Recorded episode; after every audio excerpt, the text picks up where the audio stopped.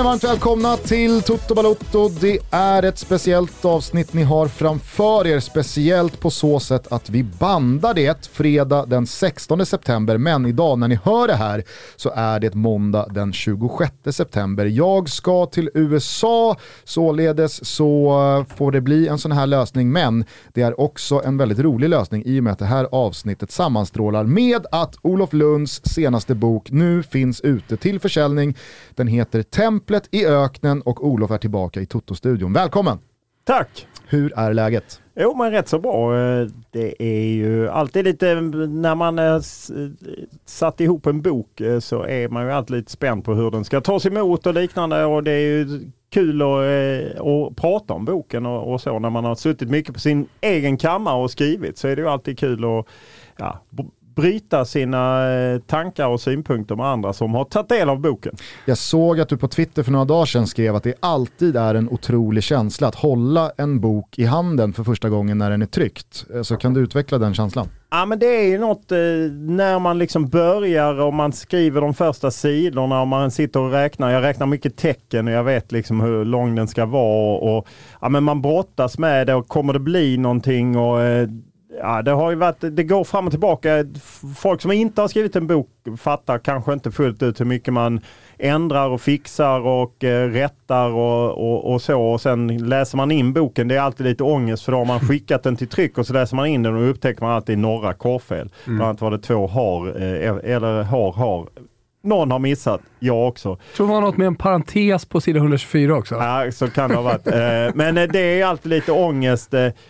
Men så just när man får boken, att man verkligen, allt det arbete, alla de timmarna är faktiskt en bok i, i, ja, i kött och blod, det är det ju inte. Men nej, det är en otrolig känsla faktiskt. Nu har jag ju haft förmånen att skriva flera böcker, men eh, den känslan försvinner inte, utan det är otroligt. Nej, men jag tänker att du får fortsätta skriva böcker för att du är en favoritgäst om vi liksom ska prata i Toto-språk och många som ser fram emot när du kommer. Så fortsätt köra en per år så här och så får vi anledning att ta in dig i studion. Ja precis, det är ju de som hånar mig säger att jag bara är här, eh, men jag har faktiskt varit här även utan Ja, ja. bok och, och, och mångla ut. Jag tänker också att det var en hel del lättnad i den där känslan också i och med att eh, det här släppet eh, omgärdades av en tidspress på ett annat sätt. Alltså jag menar, allsvenskan enligt Lund eller landslaget enligt Lund kan ju Tidlöst. komma ut lite när som helst, men den här boken skulle ju ut med lite distans till VM. Det, det hade ju tappat lite fart om den hade släppts i mars, tre månader efter VM. Absolut, så är det ju och eh, det var ju ett rätt, eh, Tobias Nilsén som eh, jag lärde känna en gång i tiden på eh, Expressen, han var 19 eller 20-årigt stjärnskott på Nöjet och jag var en eh, valpig praktikant som var 10 år äldre eh, när jag klev in på Expressen i, i januari 1996. Han har ju nu ett förlag och han kontaktade mig, eller vi var faktiskt ute en sen kväll på Bokmässan förra året.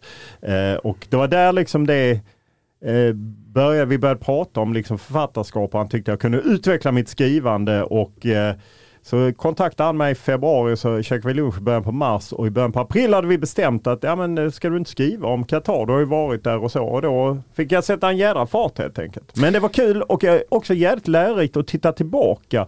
Och där jag fattar liksom, för det första hade jag aldrig kunnat skriva den här boken utan alla mina år som journalist för jag kan liksom dra erfarenheter. Och sen också hur jag har glömt saker som att en vecka efter att Qatar fick VM, då presenterade de att det skulle stå Qatar Foundation på Barcelonas tröjor. Att det liksom på något sätt hängde ihop. Det är sånt det mönstret ser man idag. Det såg man inte då. Ett halvår senare köpte de Paris Saint-Germain. Ja, det är väldigt mycket backtrack-pussel du lägger i den här boken. Ja, och du gör ju det för oss som läser boken, vilket jag tycker gör den eh, fantastisk. Du sa det innan, jag fick ganska kort tid på mig att läsa boken. Jag fick den igår eh, och satt uppe i natt och nu i morse. Men, men det, det, liksom, det var driv genom hela boken. Du det sa var ju också, att jag behöver bara tre timmar. Ja, det sa jag. Visserligen. Jag behövde kanske någon timme till. Men, eh, det ska, förutom drivet och att eh, liksom, ja, men, jag kan säga att det var lättläst, för då låter det som att det är en barnbok. Eh, men just det här pusslet la ju du åt mig. Och så, de här grejerna kommer ju såklart, jag har inte jobbat med, jag har inte tänkt på det på det sättet heller. Så när man läser boken så, boken så får man det pusslet lagt och det tyckte jag var eh, härligt. Ja, och jag, för mig har det varit otroligt lärorikt eftersom jag, menar, jag kommer ju jobba med VM i Qatar så att jag ser det också som att jag gjorde lite research inför jobbet eh, och jag har lärt mig otroligt mycket och också liksom saker och ting jag har gjort. Ja, men man, jag drar ju ända tillbaka till när jag bevakade Lennart Johansson. Jag är ju rätt kritisk mot oss journalister, alltså jag räknar in mig själv där, att vi svenska journalister sväng, svingar gärna oss upp på en vit springare och berättar för hela världen att vi ska bojkotta VM. Men ingen av oss har gjort jobbet och varit där liksom och ställt frågorna i förväg. Utan det är ju lätt att göra nu ett år, två år när, det har varit, när debatten har varit som mest. Och utan att avslöja för mycket så tycker jag att du resonerar bra kring det i slutkapitlet. Den vanliga journalistiska principen är ju att man vill förenkla komplicerade samband. Jag går ju åt andra hållet här. Jag komplicerar mm. ju det här. Exakt. För att för mig är det mer komplicerat. Jag menar alla vi har ju jobbat på kvällstidning och jag Eh, älskade min tid på Expressen på många sätt. Jag lärde mig nästan allt jag kunde där. Jag tycker att kvällstidningen är fantastisk på det sättet. Men jag har ju också skrivit de här krönikorna där man slår in en väldigt öppen dörr. Det vill jag inte göra längre för att jag kan inte helt enkelt kring Qatar. Det är för komplicerat. Mm. Underbart, vi ska prata eh, mycket mer om boken alldeles strax. Jag måste bara fråga, i och med att den här boken heter Templet i öknen, eh, under rubriken Så köpte Qatar världens största sport. Har eh, bokprefixet enligt Lund nu gått i graven? Ja, jag vet inte riktigt. Kanske kan komma tillbaka. Det är ju ett fint inslag i Alla mot alla denna säsongen också där de kör många mm. enligt Lund. Jo tack, har man sett. Eh, eh, jag bytte ju förlag och de var liksom sugna på att göra någonting annat. Eh, det är ju inte jag på, jag, det är inte min nuna på omslaget, vilket jag på ett sätt tycker är rätt skönt. Jag tycker det är en rätt härligt omslag med Doha på baksidan, det är skyline och lite så. Man leker lite. Lekfull eh, bok. Ja, precis. Men så att jag vill absolut inte säga att enligt Berit Lund eh, eh, har dött. Och jag vet eh, att det till och med i, i Nya Offside tror jag det är en, en annons som är makt och mutor enligt Lund. Så att de leker lite med det från förlagets sida. Har ni sida. lekt lite med Qatar enligt Lund eller VM? Eller jag, jag hade nog den tanken men jag, det dog. den hästen kom inte ens till start uh, under det här nya förlaget. Jag tänkte faktiskt att jag skulle högläsa den, den första Uff. sidan. Eh, det, det, står ju inte benämnt som något typ av förord. Det kommer en prolog benämnd senare. Så att jag vet inte riktigt vad du vill kalla den här första sidan. Du kanske har en, en, en bra titel på den? Nej, det är mer bara att man ska få sig en, eh, en rivstart. Ja, ja men det, det är en otrolig ingress ja, måste jag säga. Ett av världens minsta länder. Ett land utan minst åtta jättearenor, vilket var kravet. Ett land villigt att satsa 200 miljarder dollar. Ett land där Fifas rapport inför VM-omröstningen slog fast att hettan var en hälsofara. Ett land som låtsades att ny teknik skulle kyla ner arenorna, men där planen var att spela VM på vintern. Ett land som inom citationstecken lovade ett klimatneutralt VM. Ett land som saknar demokrati. Ett land utan pressfrihet. Ett land där kvinnor måste be män om tillstånd för att gifta sig, men där män kan ha upp till fyra fruar. Ett land där homosexualitet är kriminellt. Ett land utan respekt för mänskliga rättigheter. Ett land som bedrivit rovdrift på migrantarbetare, där löner uteblivit, fackföreningar förbjudits och pass beslagtagits. Ett land där tusentals migrantarbetare dött. Ett land som kandiderade genom att betala mutor. Ett land som utövade politiska påtryckningar och löften om investeringar. Ett land som anlitade spioner för att påverka. Den 2 december 2010 utsågs lik förbannat Qatar till värdnation för fotbolls-VM 2022 och protesterna var marginella. Hur hamnade vi här? Fem plus inledning på en bok. Ja, verkligen. Alltså om man är intresserad av fotboll, världspolitik, I mean you name it. Jag fattar att liksom en bok om hur fotbolls-VM hamnade i Qatar inte är för alla, men för oss som det är för och för de som kanske känner lite lätt på den jävla inledning du har där. Ja, starkt. Eh, tack för det. Eh, det gläder mig. Jag har jobbat på utveckling och det handlar också om att man tar lite, ja men liksom att man bollar med dem man skriver med och så. Eh, som, ja, det har varit kul på det sättet att utmana sig själv. Sen tar ju den här boken avstamp i eh, en januariturné för eh, nästan 11 år sedan. Eh, I januari 2012 så var ni i eh, Qatar. Du och Niklas Jarelind och Anders Andersson, eh, bland de som folk känner igen från kommentering och expertis. Eh, det här är alltså ett drygt år efter att man har tilldelats eh, VM. Eh, då var väldigt mycket fokus på att eh, Sverige skulle spela mot Bahrain och att där klämde skon eh, verkligen etiskt och moraliskt. Det var inte speciellt många som eh, lyfte på några eh, funderingar kring eh, Qatar som land och eh, allt vad det innebär. Och det tycker jag var jävligt liksom, intressant som startpunkt att det har hänt så oerhört mycket på de här tio åren så jävla mycket fokus har förflyttats till Qatar och att det fanns att se redan där, men att alltså, så fungerar väl tiden. Eh, tittar ingen så frågar ingen. Även fast det, det, ligger väldigt många tveksamheter under de där stenarna. Ja, och jag tror att det inte fanns något eh, intresse för, eh, för frågan eh, helt enkelt. För att eh, det var för tidigt väckt, det låg för långt bort. Jag tror att eh, folk knappt kunde sätta sig in i det. Och jag vet, eh, jag skriver senare i boken om att eh, lite, någon månad senare så köper ju SVT och TV4 och alla de nordiska tv-bolagen rättigheterna. Och jag har kollat liksom pressarkivet. Det är ju inget negativt om att liksom att lämna tillbaka rättigheterna eller alltså ingenting för att vi var så aningslösa. Jag säger vi för att jag var rätt, eh, det är jag öppen med liksom i den boken om jag hade liksom förstått vidden av sporttvätt eller sportswashing eh, som började där så hade jag kanske gjort det på ett annat sätt. Det är klart jag skrev lite blogginlägg men fokus låg på att Sverige hade flyttat sin resa. De skulle egentligen åka till Bahrain.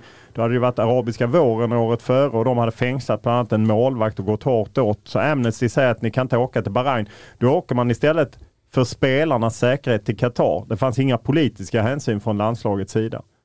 Men jag tänker efter att ha läst då inledningen på boken eh, och eh, det här avstampet i januariturnén i Qatar. Jag menar där och då så var det väl fortfarande så att pressfri pressfriheten var rejält inskränkt, demokratin också, homosexualiteten var förbjuden. Alltså det fanns ju väldigt mycket som gäller idag även då utan att det var speciellt stora och höga Skillnaden idag är att de protester. har washat det en hel del, så egentligen så borde vi vara då eh, kanske lite förblindade, men, eh, men så är det väl inte tack vare journalisterna som faktiskt har ja, uppmärksammat att ingen, att ingen opponerade sig mer där och då? Nej, det, jag tror inte frågan fanns riktigt och Nej. då lyckades på något sätt fotbollsförbundet hålla isär de här frågorna. Även om vi naturligtvis ställer frågor om Bahrain och jag, jag ställer frågor till Tobias Hysén som är ju med där och hans brorsa har ju precis kommit fram, ut som homosexuell och han säger liksom något sånt, ja men det vore fel om vi som gäster kom hit och kritiserade hur det är här. Alltså och jag, jag, förstår det för att vi var liksom inte inne, vi hade inte sett de här mönstren som faktiskt eh, framkommer eh, senare och jag är ju inne också på det du säger Thomas, liksom deras sporttvätt har inte funkat i Sverige. För går du, ja. de som är fotbollsintresserade i Sverige och du frågar om Qatar så tror jag de flesta har en rätt negativ bild av landet. Eh, så att i, ja, om det är kanske 15 länder eller 20 länder i världen där det inte har funkat. Tyvärr tror jag kanske det funkar i resten av världen för att de ser mer eh, häftiga turneringar eller att de har PSG med Neymar, Mbappé och Messi och så. Jag tror att där tittar man inte. Men det kan man också, jag menar vem, lite senare det året så flyttar väl eh, Zlatan till eh, PSG. Mm. Och jag menar under de fyra år han är där, vi ställer, jag tror nästan inte det ställs en enda fråga om, jag menar indirekt kom i dina löner. Samma med, måste man också punktera, Kaudin Seger, Kosovo Aslan är ju också där. Det ställs inga frågor i det ämnet för ja, vi är okunniga, vi såg det inte och eh, det kanske hölls ifrån. Idag är det ju naturligt när Isak går till Saudiägda Newcastle United kommer åtminstone frågan upp. Jag har i och för sig inte sett många som har krävt att han ska inte spela där. Det finns väl kanske någon, men rätt få för alla fattar hur det funkar. Men frågan är uppe i varje fall, mm. vilket jag tycker är bra. När du eh, backtrackar och lägger det här pusslet, vad, vad känner du och tänker då? Ja men lite att jag, det är klart att jag tycker att det är ett misslyckande för oss och ja, för mig. Ja men att jag inte såg det bättre, att jag inte såg det tydligare, att jag inte såg mönstren. Att, jag menar då hade de ju köpt Paris Saint-Germain, de hade jag menar jag skriver till och med, mm. jag läser i Gulf Times eh, att de, eh, en Ferrari-bil kör där mm. på...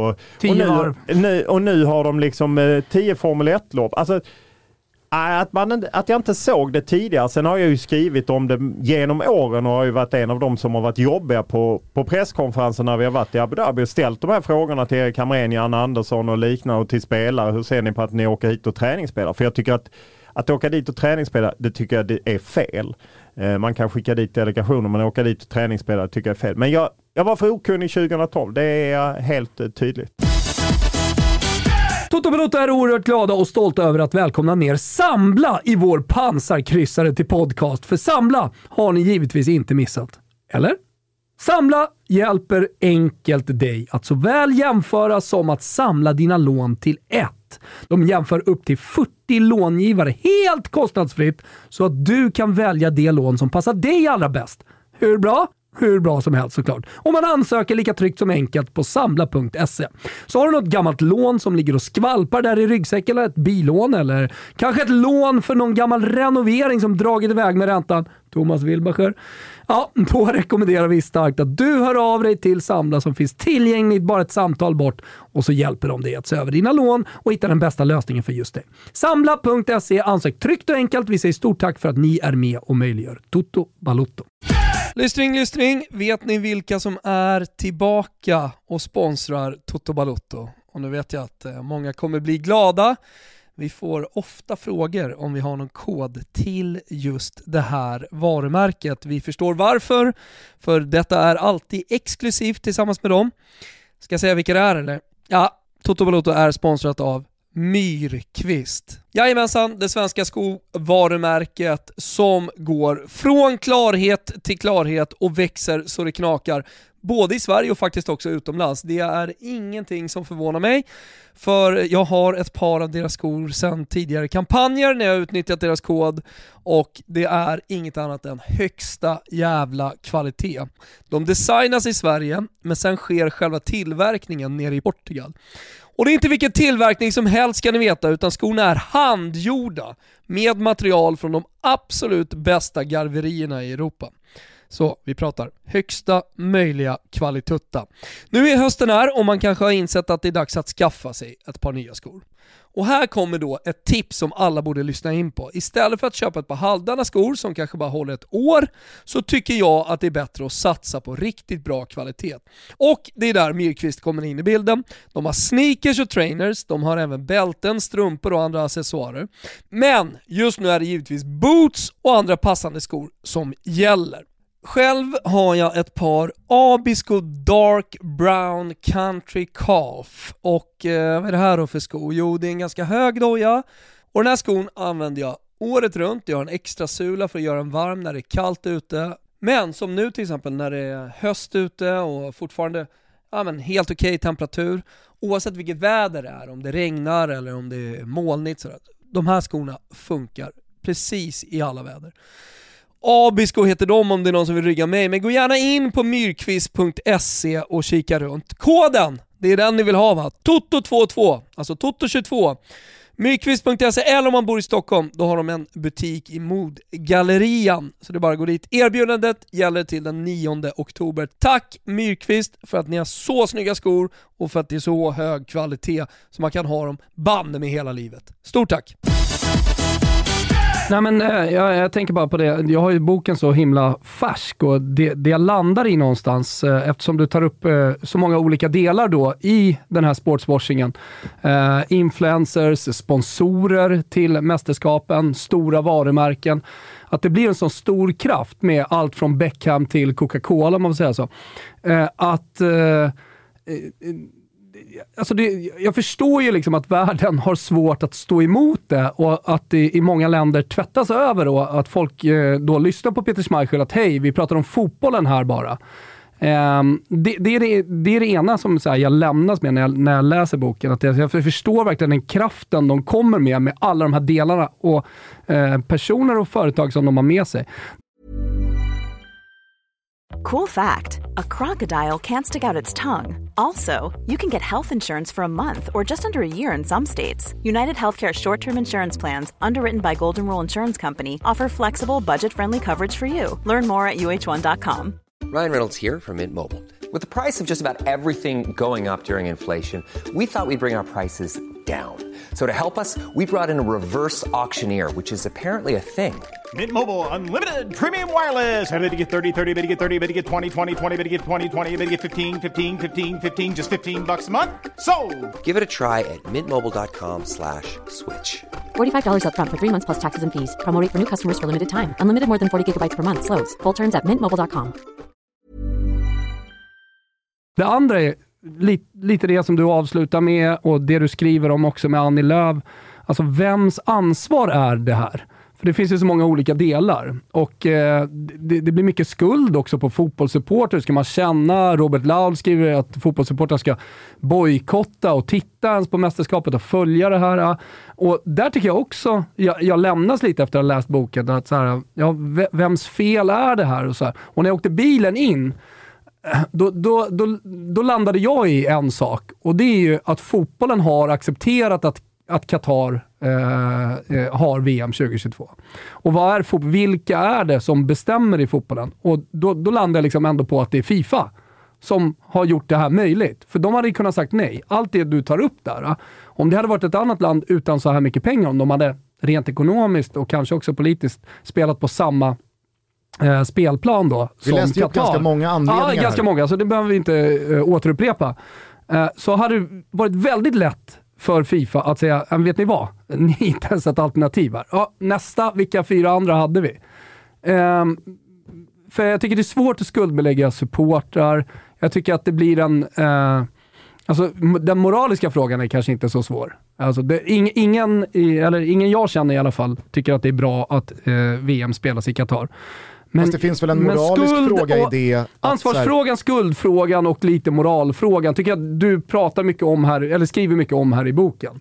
Ja, och, och den är ju, det, det är ju den som jag tycker är så komplicerad. För det är ju klart att eh, inte jag, jag tycker inte heller det är bra med Qatar, men å andra sidan, vi var ju inte särskilt kritiska mot Ryssland heller. Och jag menar, mycket av det som skrevs i början, det är klart ryska män har väl inte fyra fruar, men annars är det ju mycket av det som skrevs i början stämmer in på Ryssland också och där de här organisationerna, idrottsorganisationerna, eh, nu har då Fifa reformerats delvis, men mycket av dem, de lämnar ju det till de här länderna för att man på något sätt accepterar det. Man är kroniskt behov av pengar, man tar pengarna och så tittar man åt andra hållet. Och det är vi ju många som gör. Jag menar jag jobbar på TV4, som ju liksom, Gusten du är ju också där eh, och då eh, då är det ju ändå så att ja, men vi har köpt rättigheterna. Ska vi då sända liksom, ska vi jobba med? Och, och jag landar liksom att jag som journalist kan ju inte Ja, om jag skulle dra den gränsen att jag inte kan åka till VM i Qatar, ja men då kan jag inte jobba med Champions League för jag kan inte bevaka Paris Saint-Germain eller Manchester City som ägs av Abu Dhabi. Alltså, det är jättesvårt. Jag tycker att eh... men, men, jag tycker att du tar upp ett bra exempel i boken eh, där du citerar Annie Lööf eh, som tycker att vi ska bojkotta VM. När Men... det, hon intervjuades i SVTs Min sanning i februari innan Sverige möter Polen och får frågan, eh, det är lite korta frågor, ska vi bojkotta VM i Ja, för där kränker man eh, mänskliga rättigheter dagligen. Nu ska det ju sägas att Annie Lööf har haft en tuff höst och har avgått. Ja. Att, men hon blir ändå ett ansikte för populismen som är kring VM i Qatar när hon säger det och då vet ju jag, för jag skriver en krönika rätt tätt därefter om att jag vet ju att hon satt i den regering som tog beslut om att öppna en svensk ambassad för att ta del av den expansiva katariska marknaden. Att det var viktigt till och med Precis. för Sverige. Ja, och då är det liksom Ja, är det okej okay att vi ska, Volvo-maskiner bygger den nya staden Lusail där eh, finalarenan ligger eller att det är svensk teknik som gör att det kan landa 15 till 1600 plan om dagen. Eh, en miljardorder till ett Linköpingsbolag eller Scania-bussar eller ABB som skulle hjälpa till med kylningen och ja, vi är, ju, vi är ju med på olika sätt oavsett. Vi Men håller du med om att det är lätt att landa i då att vi hade kunnat bara stoppa det här genom att inte bjuda in det?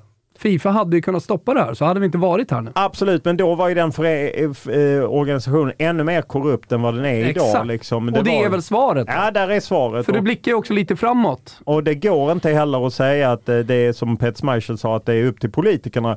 För Fifa låter ju inte politikerna bestämma över Fifa, utan eh, vi är med i den organisationen, mm. vi får ta den på plus och minus. Men är det inte, vi, vi, vi, vi kan ta ett par varv kring det här, eh, om jag bara får börja med en fråga kring det här. Är det det inte otroligt ändå att med allt som varit kring i synnerhet det här världsmästerskapet, men också med då Rysslands VM i ryggen med tanke på vart Putin tagit vägen sedan dess.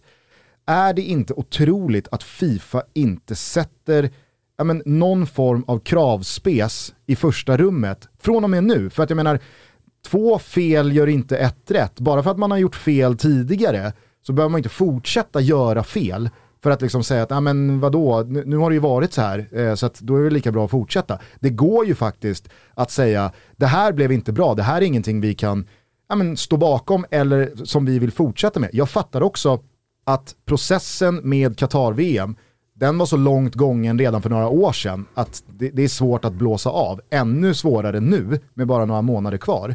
Men framgent så kan man ju verkligen, om man vill, Fifa, Uefa och övriga större organisationer som står bakom de här godhetsbanderollerna att det här har ingen plats i fotbollen, inte det här heller, inte det här heller. Men så, alltså så här, ja, men, rättesn rättesnöret är det kortaste som, som finns i, i de där organisationerna. När Saudiarabien nu går in och ska söka, eh, 2030? 2030 talas ja. om ihop med Grekland och Egypten. Och då är det, alltså så här, för mig blir det helt, alltså, men de sa, uppåt de ju... väggarna att, att man inte börjar med att så här, för att söka ett mästerskap i framtiden så är det här en kravspes vi har. Ja, och då kan man ju säga två svar på det. Det ena är ju att allting styrs av pengar. Eh, mm. Eh, och Fifa har ju sponsorer med koppling till Qatar. Men inte minst sportkanalen Bein Sports som ju är ägd av Qatar som köper rättigheter för enorma belopp. Alltså det är liksom pengakranar från olika håll och skulle man liksom konstra med det här så stryps de pengakranarna. Och eh, det är ju så att Infantino, Fifa-basen, han bor ju i Doha sedan eh, ja, förra hösten tror jag han flyttade dit och hans barn går i skola. De är ju så nära och han är ju otroligt nära i Saudi också. Var ju på den här boxningsmatchen som var nyligen i Saudiarabien. Så att de här pengakranarna, de är så stora och de är svåra att klara sig utan. Det, det är det ena liksom eh, kring eh, att varför man inte gör någon förändring. Det andra är ju att en förändring som Fifa gjorde, förutom att man ändrade att det inte är 23 gubbar, eller 24 gubbar var det, två var ju avstängda när de röstade, så är det ju nu eh, då alla nationsförbund som röstar. Det vill säga att det går ju naturligtvis att köpa nationsförbund om man vill muta dem, men de ser åtminstone hur de röstar. Det vill säga att Frans Beckenbauer och de som satt i Fifas exekutivkommitté, de kunde ju sälja sina röster till alla. Och så sa de, jag röstade till er, för det gick inte att kolla. För man, man bara såg att, men herregud, det vill säga, det har man ju åtgärdat. Sen har man ju också åtgärdat att nu finns ju eh, mänskliga rättigheter som ett krav.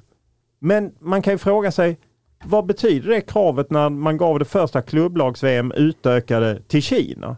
Då inser man att det måste finnas sådana kryphål i, i den bestämmelsen mm. att det spelar ingen roll. Jag, alltså, jag, jag, jag blir bara dyster. Ja, jag också. Det, alltså, det känns helt hopplöst.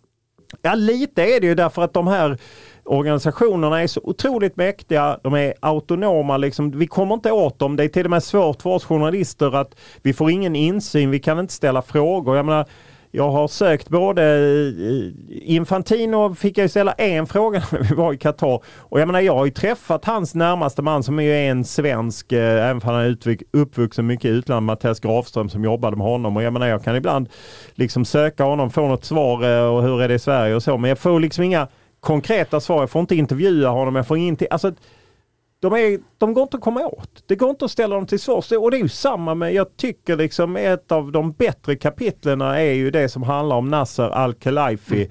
Mm. Eh, som ju är ordförande för Paris Saint-Germain, även ordförande för den här sportkanalen Bein Sport, som nu sitter i, FIFA, i Uefas exekutivkommitté, alltså som qatarier i Europeiska fotbollskonfederationens exekutivkommitté och dessutom ordförande för ECA, European Club Association. Och där han ju stormade in, det finns ju olika uppgifter, men han stormade i varje fall in med sin sportchef Leonardo efter de hade åkt ut mot Real Madrid i mars i år och det bröts en flagga av, åt en av de assisterande och han ska ha skrikit saker till eh, en Real Madrid-anställd som filmade honom.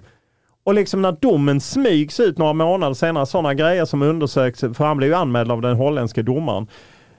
Det brukar ju ta några veckor, men det tog flera månader, smögs ut en fredag i något helt annat dokument och Leonardo straffas och 8000 euro i PSG, de måste ju garvat åt det böter. Och Nasser nämns inte. Alltså, det är den makten de sitter, att liksom han kan inte vara med och storma in och eventuellt var det han som bröt den assisterande flagga och det händer inte ett skit.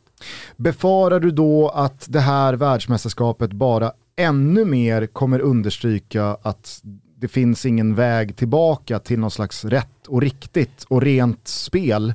Ja men då får man ju tyvärr säga att det har ju aldrig funnits något rent spel. Alltså egentligen sen Havelange och egentligen var det inte bättre. Jag menar, han som var, om man nu går långt tillbaka kring de här organisationerna, Stanley Rue, en engelsman som var fram till brassen Havelange tog över 74. Jag menar bara det att han tvingade Sovjet att spela ett VM Eh, playoff mot Chile på den arenan där Pinochet hade spärrat in folk efter kuppen eh, några månader tidigare och torterat dem. Och Sovjet sa vi spelar inte på den arenan. Äh, då blev ni avstängda. Då gick Chile till VM. Han ville ha med det vita sydafrikanska fotbollförbundet med i, ja. Och sen kom brassen Havelange som han utvecklade i fotbollen, men han komperade ju hela organisationen. Det har ju varit, jag menar Tyskland mutade sig till VM 2006. Sydafrika 2010. I, så att, ja, jag är Det har varit piss hela tiden. Det har varit piss hela Jaha. tiden. Någonting säger mig ändå att det fanns en, en kollektiv önskan om en renare värdegrund i alla fall tidigare. Nu så känns det ju som att fler och fler för varje kvartal och halvår som går mer och mer bara liksom förlika sig med den karusell som snurrar allt snabbare. Och att det är så här det fungerar. Och det Eller? Är bara, det är, jag, jag Ja, fast upplever vi pratar ju om det. Jo absolut. Det gjorde vi inte Absolut, på men, samma sätt men, men vi, vi, vi, vi pratar om den. Men du är ju samtidigt också oerhört skeptisk till någon typ av positiv förändring. Utan det är så här det kommer se ut. Antingen så är man med och gillar läget, eller gillar läget behöver man inte göra, men man är med på karusellen och konsumerar fotbollen. Ja, men jag, Eller så får det vara. jag, jag hoppas ju att det är ett tecken på att organisationerna ändå tagit något intryck av att VM för damer 2023 går i Australien, Nya Zeeland, VM för herrar går i då, Mexiko är väl eh, lite speciellt men ändå USA, Kanada, även för det finns ju de som är kritiska mot USA som har eh, dödsstraff och så. Men ändå demokratier så att säga. Eh, samma EM, samma OS, det är också mycket demokrati. Men jag är ju rädd att de här pengarna kommer leta sig in och påverka ändå. Därför att det är liksom tjuv och rackarspel. Alltså makten i de här organisationerna går till de som har pengar helt enkelt. Och så är det i alla organisationer. Jag tror vi ändå går ett steg i rätt riktning när vi pratar om det. Jag är inte lika omedveten som jag var 2012 när jag landade i Qatar första gången. Eh, och jag tror inte den normala fotbollskonsumenten i, i många länder i Europa är lika okunniga kring alla de här. Sen är det jättesvårt att ändra på det. Nej, men, och, och jag tror, jag menar, man- skulle kunna bli ännu mörkare i ett sånt här avsnitt och sen så... Eh, Erik Niva mörk. nej men på ett sätt, nu pratar vi om det här och vi pratar om Fifa och väldigt stort fotbolls-VM och sen så kan du ju bryta ner det här. Du har ju själv skrivit böcker om eh, nej men matchfixning och eh, agenter och svarta pengar och påtryckningar och Eh, ja, men så det finns ju många delar av fotbollen eh, som verkligen är mörk. Eh, tillsammans med det här då så blir det ju lätt att vara dystopisk eh, kring framtiden. Eh, jag tänker bara att eh, anledningen till att jag protesterade är ju också alltså mot att men det var lite bättre förr. Är för att då, då kanske vi inte bevakade lika mycket och vi gjorde inte samma journalistiska arbete kring de här eh, frågorna. Eh, Så att det är mycket som eh, säkert är mörklagt också och mycket som vi inte vet om. Och jag menar hur många hur många ligatitlar liksom har delats ut till lag eh, som, som har köpt dem eh, genom åren. Det kommer vi ju aldrig få veta såklart, men, men, jag kan ju gissa att det är ganska många i världsfotbollen. Och Ja, eh, hur många matcher har varit uppgjorda när matchfixningen blev liksom stor och utbredd. Eh, hur, många, hur många läggmatcher har vi på högsta, högsta nivån till och med i världsmästerskap? Säkerligen eh, ganska många. Eh, Marcus Birro brukar prata om Sydkorea mot Italien där. Alltså, det finns ju hur många som helst sådana matcher som man skulle kunna gå till. Ja, nej, och det, det är ju klart, sen får, finns det ju så massa positivt med fotbollen också, får man inte glömma bort. Nej. Eh, man måste Gör det verkligen det? Ja, men det tycker jag att det gör. Att eh, den, eh, den, den, den kollektiva liksom glädjen som, eh, ja men några av, ja, några av de bästa upplevelser jag haft i mitt liv har ju varit kopplad till fotboll och, och den upplevelsen. Eh, ja men liksom kollektiv glädje, euforin, allting och jag menar all fostran, all tid man har spelat själv och allt det. Det är klart att det finns massa, det är ju därför många av de här söker sig till, eller liksom den mörka sidan söker sig hit för de vill ta del av det, de vill liksom sola sig i det positiva. Jag, jag tror att enda chansen till att vi åtminstone ska putta det i rätt håll, det är ju att liksom fortsätta belysa det här, fortsätta trycka på. Och jag tror framförallt att fo- svenska fotbollsledare vi kanske får inse att om man ska vara som Norges Lise Klävenes som är ny ordförande som åkte ner på sin första Fifa-kongress. Det var i och för sig ett årsmötesbeslut i Norge att man skulle åka ner dit och vara kritisk. Men hon gjorde ju inte sig några vänner och man halkar ur de bästa rummen. Man får inte vara med och säga till om. Men det är det kanske värt för att stå upp för någonting annat och faktiskt försöka driva det. Där har ju svenska fotbollsledare varit... Karl-Erik Nilsson är ju mer slipad politiker. Därför är han också förste vicepresident i Uefa. Jag tycker också att det finns någonting eh, mycket mer utbrett här hemma i Sverige än bara hos de högsta hönsen på förbundet. Alltså det, det var väldigt, väldigt tydligt hur många som började ropa bojkotta VM och bu till VM i Qatar när vi väl hade torskat mot Polen och den svenska chansen var, var bränd. Det finns ju något liksom, hyckleri i det också. Antingen så stod man upp för fyra år sedan, jag fattar att jag förstår verkligen att det var grumligt för tio år sedan. För att det är så långt bort i tiden, ett VM tio år senare. Att det inte diskuteras mer, att det inte eh, väcker folks intressen att ifrågasätta. Ja, men det, det finns något jävligt naturligt i det. Men ju närmare vi har kommit VM i Qatar så har ju det här blivit mer och mer aktuellt. Fler stenar har lyfts på och så vidare och så vidare. Fler kritiska frågor har ställts. Men eh, att ta steget ut att börja prata bojkott och, och minsann höja rösten om hur fel allting är i Qatar först efter att Sverige har bränt sin VM-chans i mars samma år som VM ska gå. Det blir ju också lite löjligt. Ja, jag håller med. Just alla de som tycker att ja, det är rätt VM att missa och så. Jag, jag har lite liksom att då ska man inte delta i tävlingen överhuvudtaget. Om man eh, tycker att det är rätt, då är det bättre att avstå kvalspelet. Och jag, för mig blev det också liksom att det får man väl säga, säga att supportarna har, har ju tryckt på sina klubbar. Men att liksom SEF då säger hösten 2021 att ah, men vi släpper inte våra spelare till Qatar längre. När de har varit i Qatar två år, fem år i Abu Dhabi, de har varit i Saudiarabien. Och så dessutom säger SEF-klubbarna vi ger rött kort till Fifa hösten 2021, ett år till VM.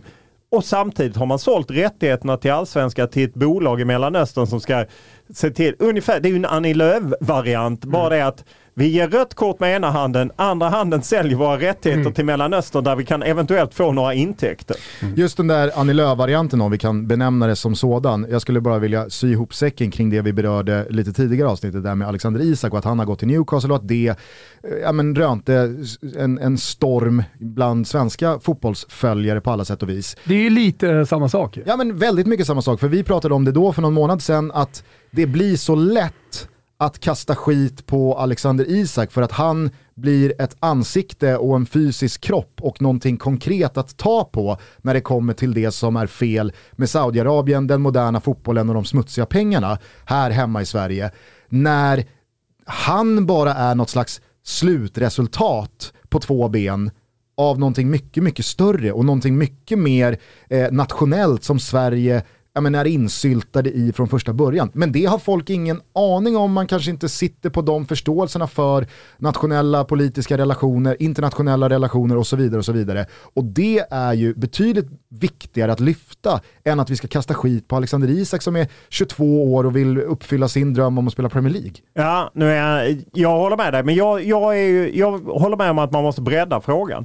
Eh, men jag tycker att vi, det är klart vi måste ställa frågor till Alexander Isak, precis som vi ställde till Emil Kraft. Nu tillhörde jag Emil Kraft-klubben när den köptes. På samma sätt som vi måste ställa frågor till Henrik Stensson. Det är klart att man ska men, ställa men, frågor, du förstår vart jag vill komma ja, med. Jag förstår, och det är det här jag ska bredda nu. Men det vi har missat tycker jag är att ställa frågor till Marcus Wallenberg och de som äger stora bolag som var där 2016 efter de hade skrivit en debattartikel 2015 där de liksom tryckte på Alltså gräddan av svenskt näringsliv, Stefan Persson, Wallenberg, Leif Johansson, Börje Ekholm, alla de skrev en debattartikel i DN. Vi måste handla med Saudiarabien. Sveriges välstånd hänger på det liksom. Och sen åker Stefan Löfven dit med Wallenberg. Och jag menar, Wallenberg tjänar nog mer till och med än vad Henrik Stenson gjorde, trots han fick en halv miljard på, på det hela för att vi har handlat massa om med de här länderna. Men vi måste ställa frågor även till Wallenberg så då, och ta in det i en större sammanhang. För att jag, jag håller med dig att, att Alexander Isak och Henrik Stenson kan ju inte ensamma bära det vi tycker är för jävligt med Saudiarabien samtidigt som vi skeppar vapen och annat till den regionen. Och man måste ju också kunna få tycka att det är roligt att Alexander Isak gör mål borta mot Liverpool i sin Premier League-premiär i Newcastle samtidigt som man tycker att det finns en jävla problematik här. Så är det ju och det är ju närmast en klyscha numera att när man säger måste hålla två tankar i huvudet samtidigt. Här handlar det kanske om att hålla tio, hålla tio tankar i huvudet samtidigt. För det är klart att man kan tycka att det är en häftig sportslig flytt för Alexander Isak och jag menar alla som har varit på St. James' Park vet ju att de eh, dårarna på läktaren där de brinner för sin klubb på ett sätt som få andra i England. Mm. Eh, det är ju något helt otroligt. Sen eh, är jag inte avundsjuk att byta Sociedad mot eh, just eh, Newcastle. Det är ju något genetiskt i vattnet där som gör att de blir ja, vet jag inte, men eh, det är ju häftigt att spela fotboll där och det är ju Premier League. Jag fattar ju det. Och sen finns allt det problematiska och att de som ifrågasätter Saudiarabien kan ju nu liksom få hugg från Newcastle-supportrar och, och, så. Vi måste ju klara flera steg helt enkelt mm. i det här. Och så får Alexander Isak också kanske tänka efter att ja visst, jag skrev på ett kontrakt som är värt en halv miljard på sex år. Det kanske har vissa komplikationer. Då får jag vara beredd att svara på de frågorna. Toto Balotto är sponsrad av MQ. Mäktiga MQ! Extra härligt är det att sitta på en tandemcykel med MQ nu när det blivit höst. På riktigt! Och sommargarderoben, ja den har stängts ordentligt. Nu är det höst. Det är rutiner, svampplockning, kanske lite träning, långkok, men framförallt riktigt, riktigt snygga kläder i krispig höstluft. Och MQs höstkollektion är full av nyheter i neutrala toner blandat med skarpa kontraster av grått och svart. En kollektion med fokus på det klassiska, stilsäkra och multifunktionella. Och det är plagg av högsta kvalitet i basgarderoben. Och ett av höstens nyckelplagg det är den klassiska svarta rocken. Eh, jag använder den till jeans, jag använder den när jag har stylat upp mig. ah, men man kan använda den till i stort sett precis vad som helst. Och till vilka skor som helst, det tycker jag är viktigt också. Du kan ha den till sneakers om det är en sån där härlig krispig, solig höstdag, men du kan också ha den till ett par boots. Eh, alla mår bra av en svart rock, det är jag säker på. Så ta dig till MQ och hitta din nya höstlook du med. De erbjuder utöver alla snygga kläder också jättemånga smarta tjänster. Skrädderi, personal shopping, second hand och så vidare. Vi säger stort tack till MQ för att ni är med och möjliggör Toto Balutto. Denna vecka är vi sponsrade av den digitala marknadsföringsbyrån Grit. Och det, mina vänner, är marknadschefens absolut bästa vän. Ja, men känn bara på en del fakta. De har alltså data på vad alla sina kunders konkurrenter håller på med. Och det är ju faktiskt lite sjukt. De kan alltså peka ut att det här gör era konkurrenter och sen anpassa sina kunders marknadsföring för att liksom ta konkurrenternas körsbär. De plockar körsbären från tårtan. Annars jobbar Grit primärt med att marknadsföra svenska kunder på en nationell marknad, men gör också globala omvärldsanalyser och medieval. Det finns ingen jävla rabattkod eller erbjudande, utan erbjudandet är tid och ett gediget, hårt och långsiktigt arbete med att utveckla ditt företags marknadsföring. Så för alla er som lyssnar på det här nu och eh, går runt och tänker i de här banorna, Grit heter de ni ska kontakta. Dina kontaktpersoner är supernördiga fotbollsfans dessutom, därför vi älskar Grit här på Toto Balotto. Så gott snack är garanterat mellan business-samtalen. Kontakta Andreas eller Jakob på www.gritmedia.se och prata bättre marknadsföring. Stort tack till Grit. Ni är fantastiska.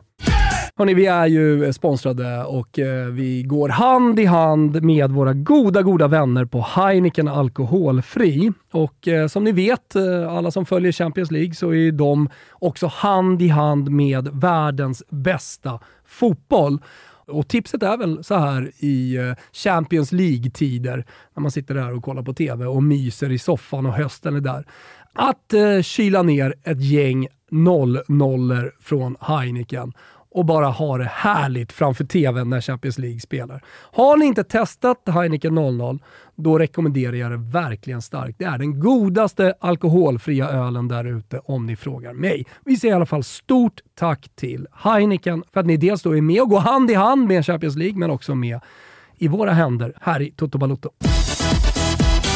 Eh, jag tror att det är typ 33 minuter sedan eh, som du pratade om det här, eh, men när jag bröt in där med det här moraliska dilemmat. Det pratade ju du och jag väldigt mycket om då, och det har väl varit, alltså så här, det har man väl pratat om senaste fem, sex åren. Alltså i Nej, men jag tycker att du tar upp det bra i, i det sista, sista kapitlet. Och som du sa, det var 33 minuter sedan, men kanske kan komma tillbaka till det. Att så här, man, man, man Nej, men skuldbelägger supportrar Exakt, som men när du ville slå fast vi... då att Fifa hade kunnat göra annorlunda Ja. och att det blir ju, det blir ju även ett moraliskt dilemma för alla oss. För dig, mig, alltså för alla som följer fotbollen så blir det ju ett moraliskt dilemma i det här att med alla de här felen som finns där uppenbart för blotta ögat att se, ändå så fortgår det och ändå så tittar jag på matcherna, ändå så följer jag med i cirkusen, ändå betalar jag de här abonnemangen. alltså så här, Det man finns, är ju en en del av det fördjupning, också. det finns en fördjupning i det här som jag tycker du gör som är viktig. Att för tio år sedan, då såg inte du det här. Och då har du ändå liksom dina känsels, journalistiska känselspröt ute. Eh, mycket mer än Tydligen de flesta. inte- inte tillräckligt. Tydligen inte bra nog. Men då, tar- då tar du ju faktiskt upp det i boken, om vi ska bredda det ytterligare då. Vad gör man då nu? När man märker att okej, nu går VM till Nya Zeeland och nu går VM till eh, Mexiko. Eh, det, det, det blir svårare att få ett mästerskap. Jo, då, går man, ju- har man ju börjat gå in i andra delar då av fotbollen. Till exempel Newcastle, men inte bara. Du nämner belgisk division 2-klubb och så vidare och så vidare.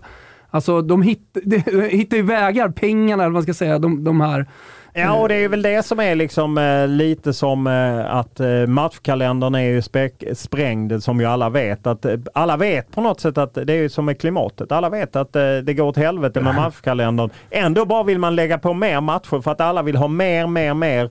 Spelarna vill ju inte ha mindre i lön. Alltså, och det är ju lite svårt och samma blir det ju med de här pengarna som ligger och väntar i Qatar eller Saudiarabien eller vad det nu är. Att, att folk vill ha de här pengarna, folk vill ha den här eh, underhållningen och, och jag förstår ju de som slutar hålla på lag. Jag menar jag vet ju inte vad som hade hänt om Qatar hade köpt Leeds. Hur hade jag reagerat? Jag, det är svårt att liksom hade jag tyckt det var lika kul eller hade jag inte? Det är ju svårt att veta. Jag fattar de som lämnar den internationella fotbollen.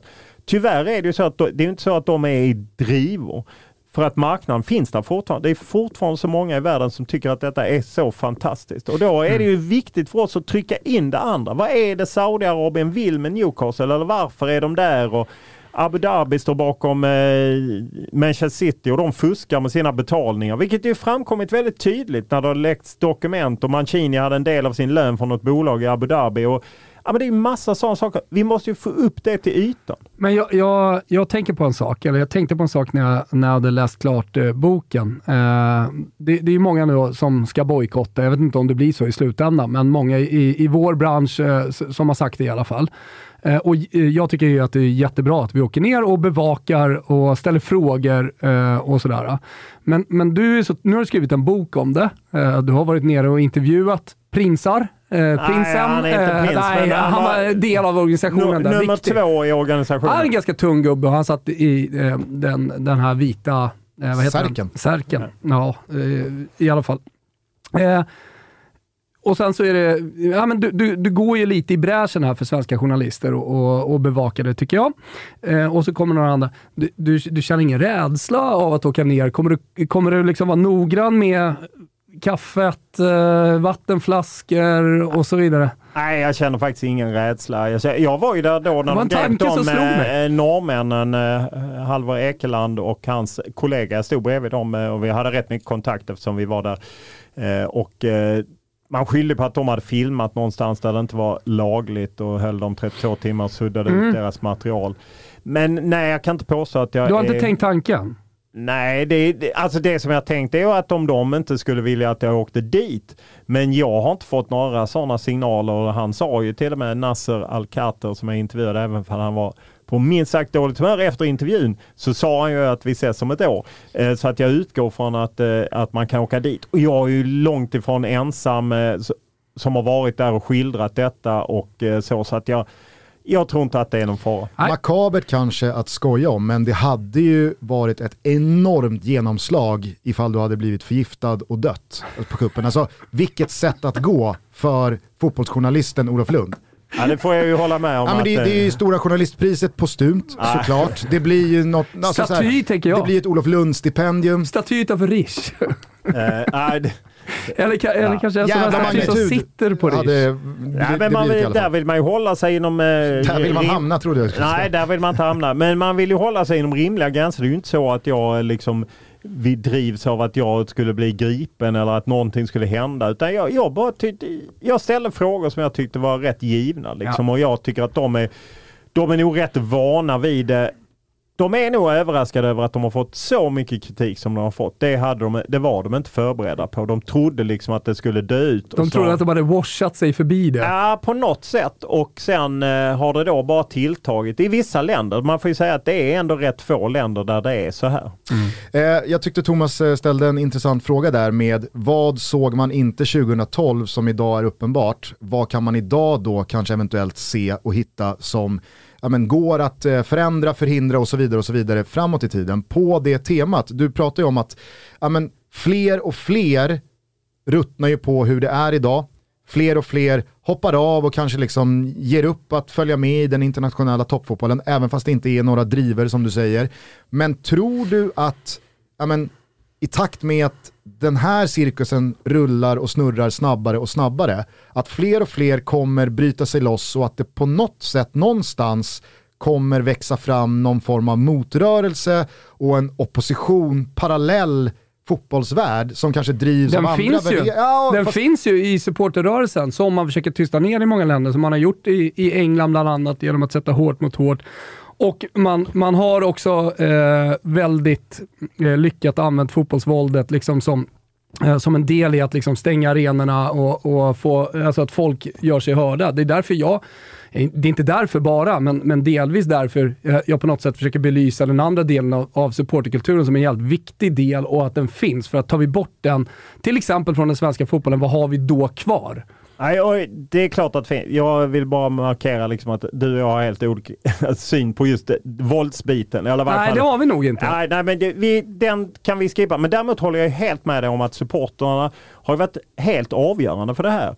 Eh, det har man ju sett i hur de har drivit eh, klubbarna. Jag menar de svenska storklubbarna åker ju inte till Dubai på träningsläger längre. Samma är det i Norge. Vi ser ju hur eh, medlemmar och supportrar försöker påverka Bayern München.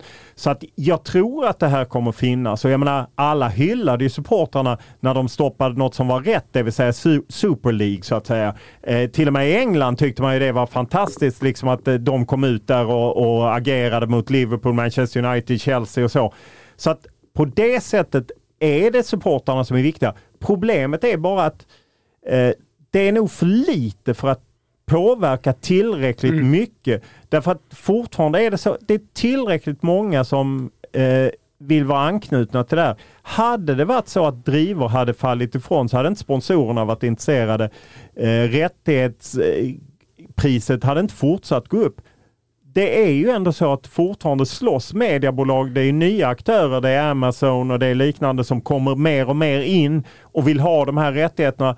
För att det finns så många som är beredda att betala mycket för att följa sitt favoritlag. Mm. Det är inte tillräckligt många som avstår. Och där, jag är inte så att jag vill kategorisera supportrar eh, och eh, jag tar inte an vid eh, liksom, våldet på något sätt här, utan eh, eh jag vill bara kategorisera liksom, pe var pengarna kommer ifrån eh, från supportrarna. Alltså, du har ju dels då de supportrarna som går och kollar på fotboll, och sen så rättigheterna, alltså då, då har du SOF-supporterna och jag tror att det är deras pengar nästan som är de viktigaste pengarna. Det är klart att matchday-intäkter är viktiga och så vidare, men eh, Gusten och jag kan ju ligga här hemma och kolla på Serie A och eh, eh Premier League, eh, köpa tröjor eh, och betala dyra tv-rättigheter eh, för att få se eh, på alltihopa.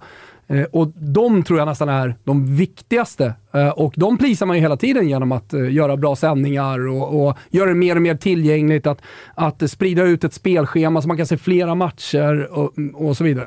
Ja, nej, och det är ju, det är ju, är ju fullständigt revolution. Och sen får man ju ändå säga att även fall man i England gjort ja, liksom en gentrifiering av publiken som ju är, det är liksom också ett komplext grej med efter Hillsborough. Där hände ju ändå, eller liksom Hazel stadion, det hände ju ändå allvarliga saker. Hillsborough Hazel var ju mer eh, huliganer. Hazel var ju polis, mm. eller Hillsborough var ju polisen som fullständigt misslyckades mm. och massa oskyldiga supportrar gick bort.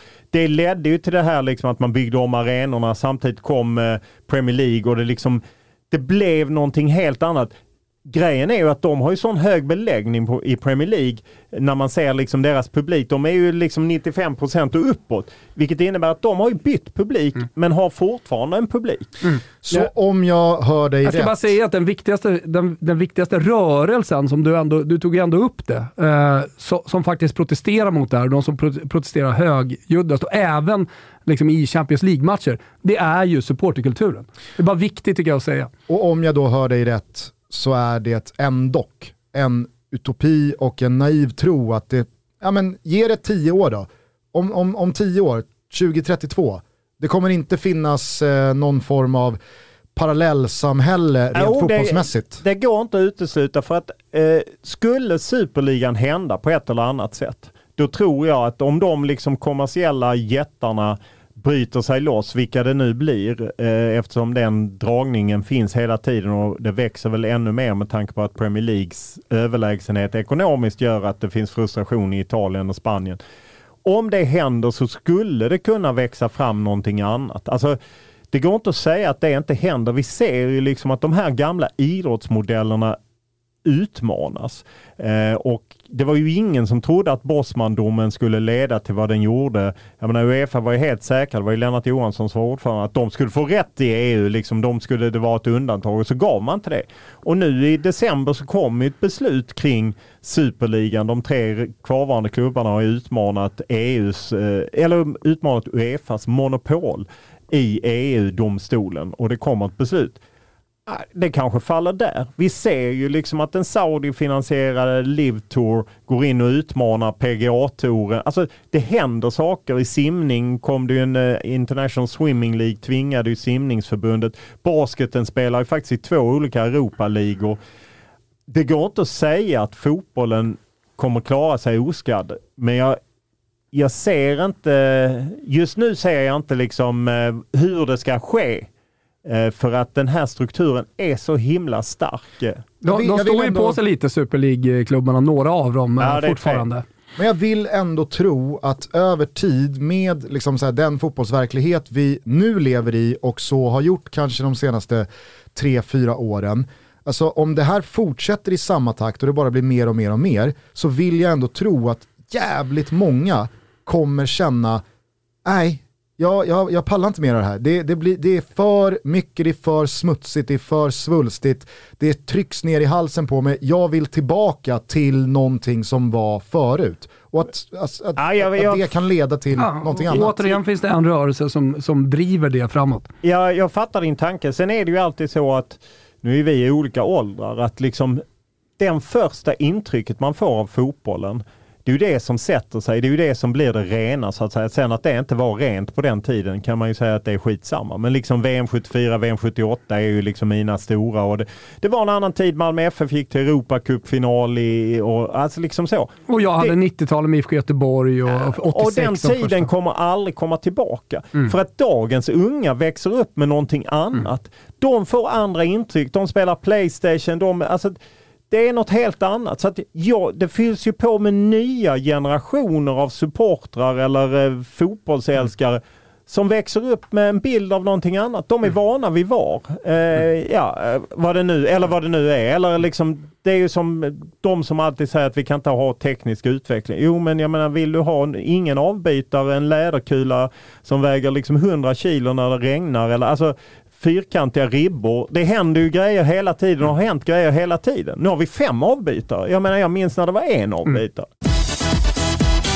Hörni, eh, jag tycker att eh, alla som eh, finner det här ens det minsta intressant ska köpa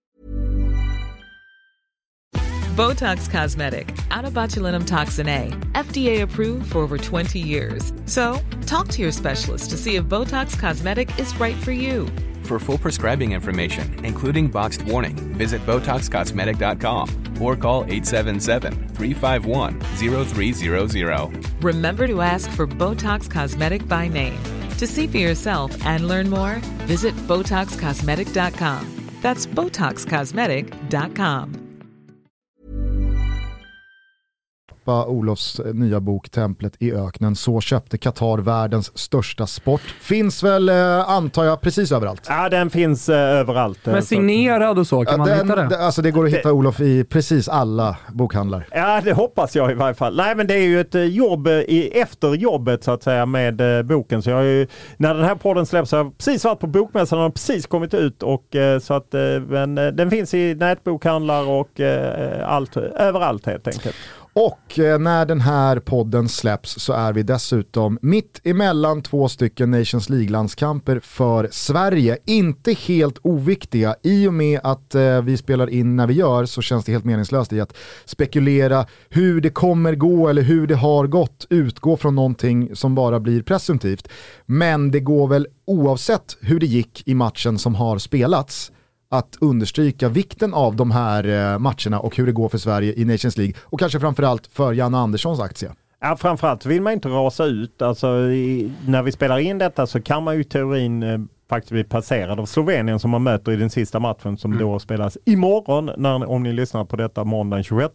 Eh, och de har ju, när vi spelar in är det två poäng för dem och tre för, för Sverige. Så att, eh, det gör att det är tryck. Eh, för hamnar man liksom, Ryssland kommer hamna sist i den här eh, eh, B-divisionen, det vill säga bli då lag 32. Men just nu är Slovenien lag 31.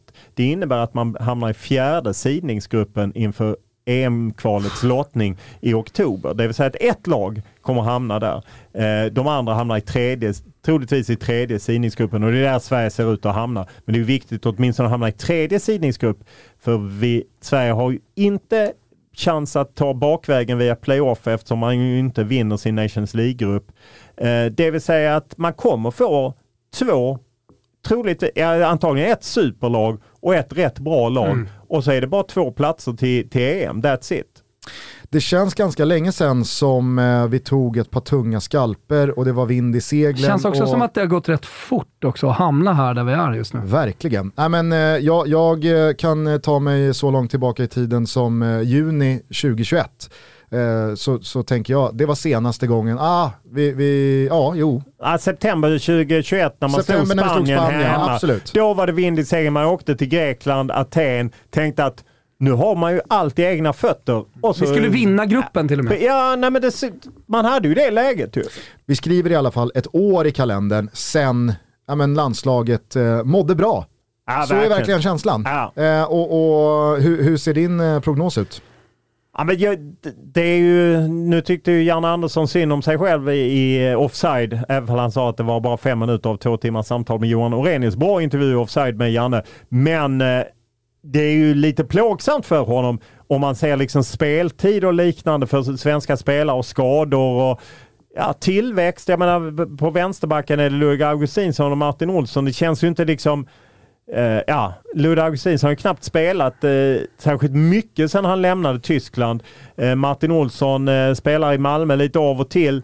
Men uh, det, jag, jag förstår Jan Andersson om han är orolig. Sen handlar det om att få ihop ett bra lag till i mars nästa år. För jag menar, Nations League har vi ju vaskat. Det gäller ju nu att testa fram spelare helt enkelt. Det är en annan podd och en annan stor fråga att eh, diskutera, men, men eh, så mycket som jag ser av svensk ungdomsfotboll och det som händer i andra länder också, så har vi ju halkat efter.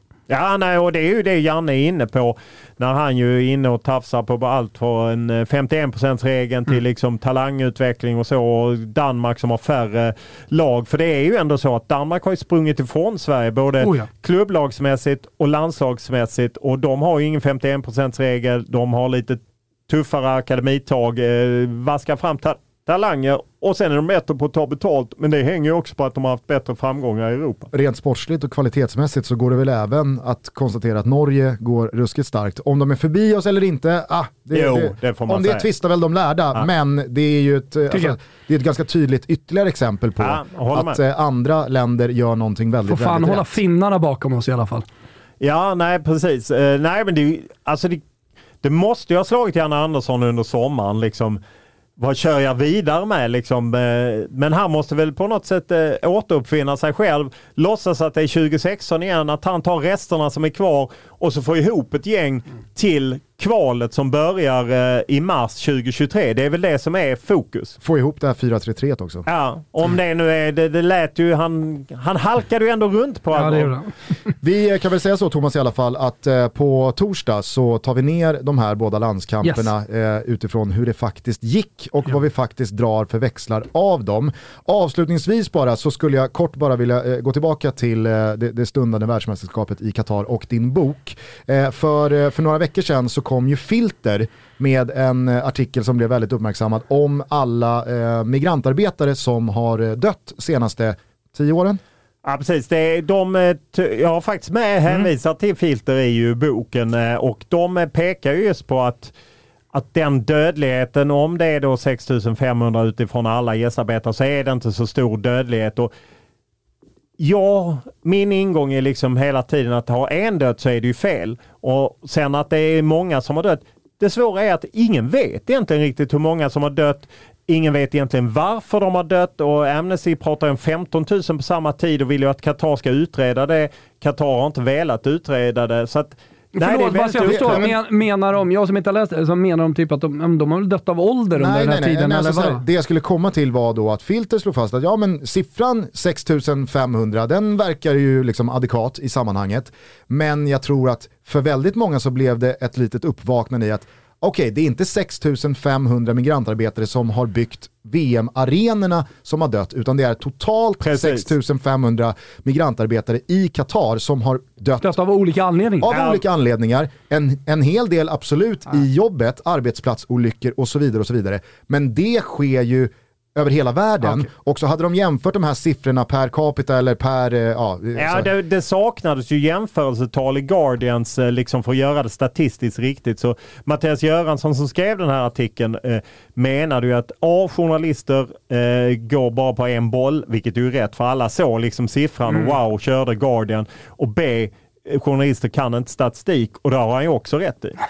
Nej men det jag bara ville landa i att det, det blev, i alla fall för mig, alltså ett, ett, en, eh, en ny typ av verklighet kring diskussionen om migrantarbetarna som har dött i samband med att Qatar har fått VM och har byggt upp det här VMet. Det antar jag att du också kände? Ja, nej, jag, jag håller med om det och därför har jag, jag har ju aktat mig lite för att även för jag har siffrorna med i boken så har jag aktat när jag är med i media och så, så vill jag inte att de ska, alltså jag drar mig bort från siffrorna och jag pratar med han Johan Lindholm, Byggnads, som ju har eh, varit väldigt aktiv i Qatar och som var den som drog igång att svensk idrott ska liksom ta ställning mot liksom att mästerskap ska gå. Och han säger ju det att vi vet inte hur många det är, Nej. men vi ska tänka för varje som har dött så är det massa som har skadats och jag har även pratat med Martin Schibbye som gjorde den här Cards of Qatar. Alltså han har gjort spelarkort, idolkort fast på gästarbetare som har dött. Som är, och han har ju åkt till Nepal och en del av de här länderna som har skickat gästarbetare för att träffa familjer och så. Och han säger också det, en sak som vi inte pratar om är liksom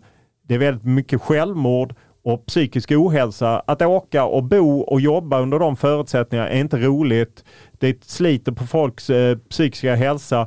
Och dessutom kan det vara så att en del kanske åker dit och kommer hem och har inga pengar med sig hem. Ah, det finns massa... Eh, Underbetalda, bor dåligt som du beskriver i boken, Ja. den du träffar och så vidare. Mm. Det, jag, jag, jag tänkte i alla fall när jag läste de där artiklarna att fan vad man bara liksom köpte in sig på att så här är det och så har man gått vidare med livet och utgått från att Ja men det, och det, här är ju på sanningen. samma sätt som att man inte kanske 2012 såg Qatar. Nej. Sen plötsligt sett sig en annan bild att fan det har dött 6500 för det har Guardian skrivit. Ja, och där är väldigt bra av eh, Mattias Göransson och Filter att belysa. Jag är glad att jag fick med det liksom eh, i eh, min bok också där jag hänvisar till Filter. Köp templet i öknen, följ Olof Lund i hans sociala kanaler för att få reda på var han befinner sig när han signerar böcker land och rike runt. Jag misstänker att det kommer bli en hel del stopp. Avslutningsvis bara, kanske en downer som avslutning på avsnittet, men det har ju nyligen varit val här i Sverige. Eh, jag tycker att eh, TV4 har gjort en, en väldigt bra följetong kring att eh, idrotten har fått otroligt lite plats i den här valrörelsen. Som I, vanligt. Ja, kanske. Men Ja, ändå tyckte mig... RF-basen Björn Eriksson att eh, det var eh, mer än vanligt. Men eh, TV4-sporten kollar ju att det var se, året från eh, sista augusti 2021 till då 1 september 2022 så tror jag det var 1% som handlade av den mediala bevakningen val och, och jag håller med om det och framförallt upplever jag ju att eh, Eh, jag skrev en krönika i Dagens Industri häromveckan just att idrotten sitter ju på väldigt mycket av det som är problemen liksom, som vi pratar om. Integration, kriminalitet, unga som eh, skola, hälsa och sjukvård. Jag menar idrotten är ju, sitter på lösningen på mycket av det. Det känns ju som att, att vi inte har en idrottsminister, jag vet att det är uttjatat och många tycker att det är idioti. Men ändå värt att påpeka. Ja, jag tycker det. Om, om det inte spelar någon roll att ha en egen minister så kan väl kulturen ha en sån ambulerande minister som byter lite departement. Och då hade väl Jonas Gardell fått eh, gått i bananas och DNs kultursida också så det hade ändrats på en dag. Men de lyssnar ju inte på idrotten. Nej. Det jag ville fråga dig bara rent konkret, det var du som är då betydligt mer insatt i hur det politiska landskapet ligger när det kommer till idrotten. Vad gör du av valresultatet? Vad, vad, vad tror du att det innebär för eh, idrotten här framöver? Jag tror tyvärr inte så mycket därför att eh, oavsett vilka som har styrt så har det egentligen varit samma styvmoderliga behandling av idrotten. Eh, eh jag upplevde att när Ygeman, eh, fördelen med att Anders Ygeman, nu fanns han ju på justitiedepartementet som integrations och migrationsminister. Fördelen var ju att han var väldigt idrottsintresserad, men jag tror ändå att idrotten hade mått bättre av en renodlad idrottsminister som faktiskt kunde lyfta idrottens frågor och som kunde se idrotten. Men jag tror inte att det gör någon skillnad för att eh, oavsett vilka som har styrt, när det var Reinfeldt eller det var Löfven, det har varit, de syns gärna när det är medaljer och eh, matcher, men inte annars.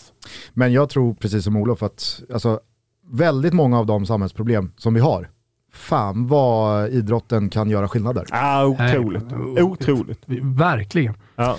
Ja, hörni, vi eh, börjar närma oss eh, 70 minuter så att eh, nu Och jag pekar Olof Lund på mig ja, här. Så ja, att, eh, och jag du, ju du, säga- du skulle få chansen att eh, plugga och prata mer. Nej, men jag ville bara säga att jag är ju, det är ju en tradition när jag är här, att jag lottar ut tre böcker. Ja. Och då har jag en, eh, jag vill att man ska hitta den gemensa, gemensamma nämnaren, eh, eller egentligen det är två personer som ska kopplas ihop med Landskrona Boys och med Djurgården och hårdföra backar.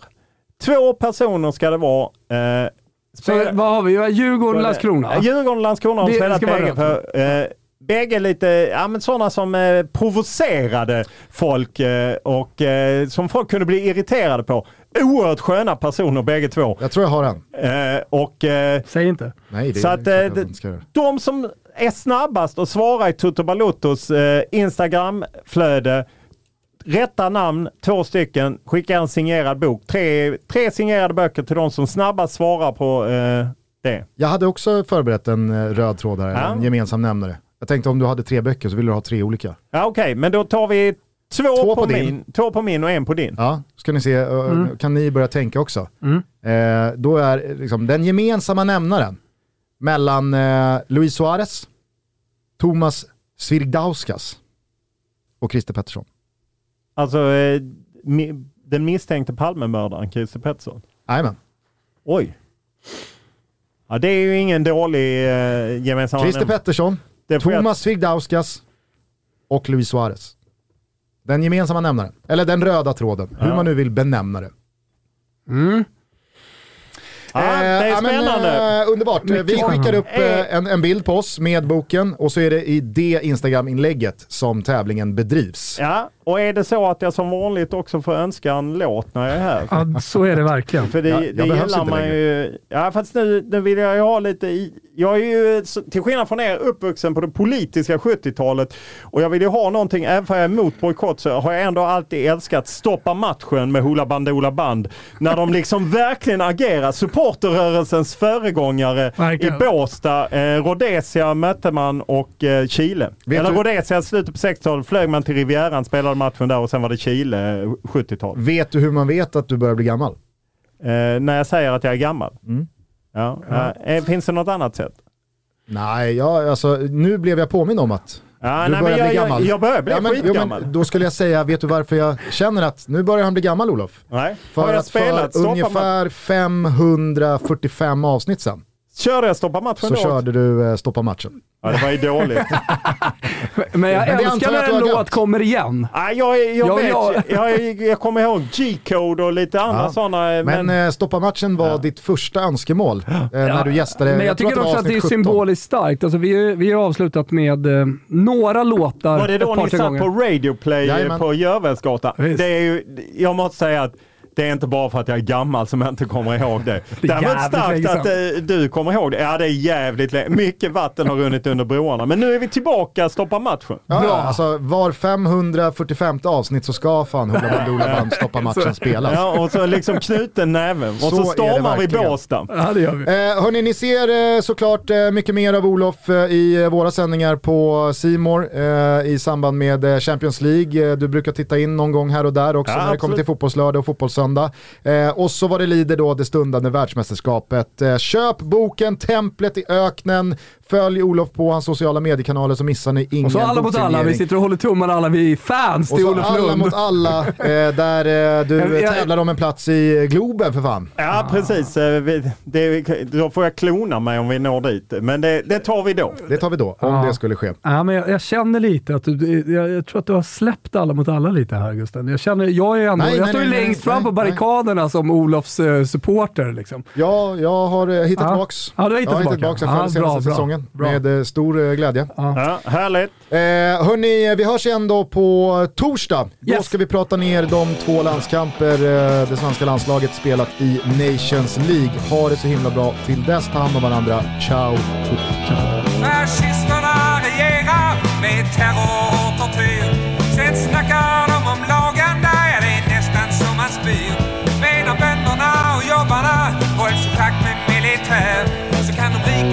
spela tennis, men de ska gärna inte spela här. Stoppa matchen. Stoppa matchen. Stoppa matchen. Stoppa matchen. Stoppa matchen. Stoppa matchen. Stoppa matchen! Stoppa matchen!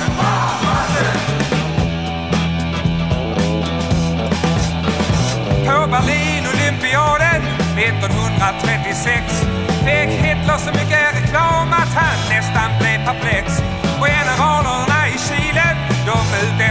sak.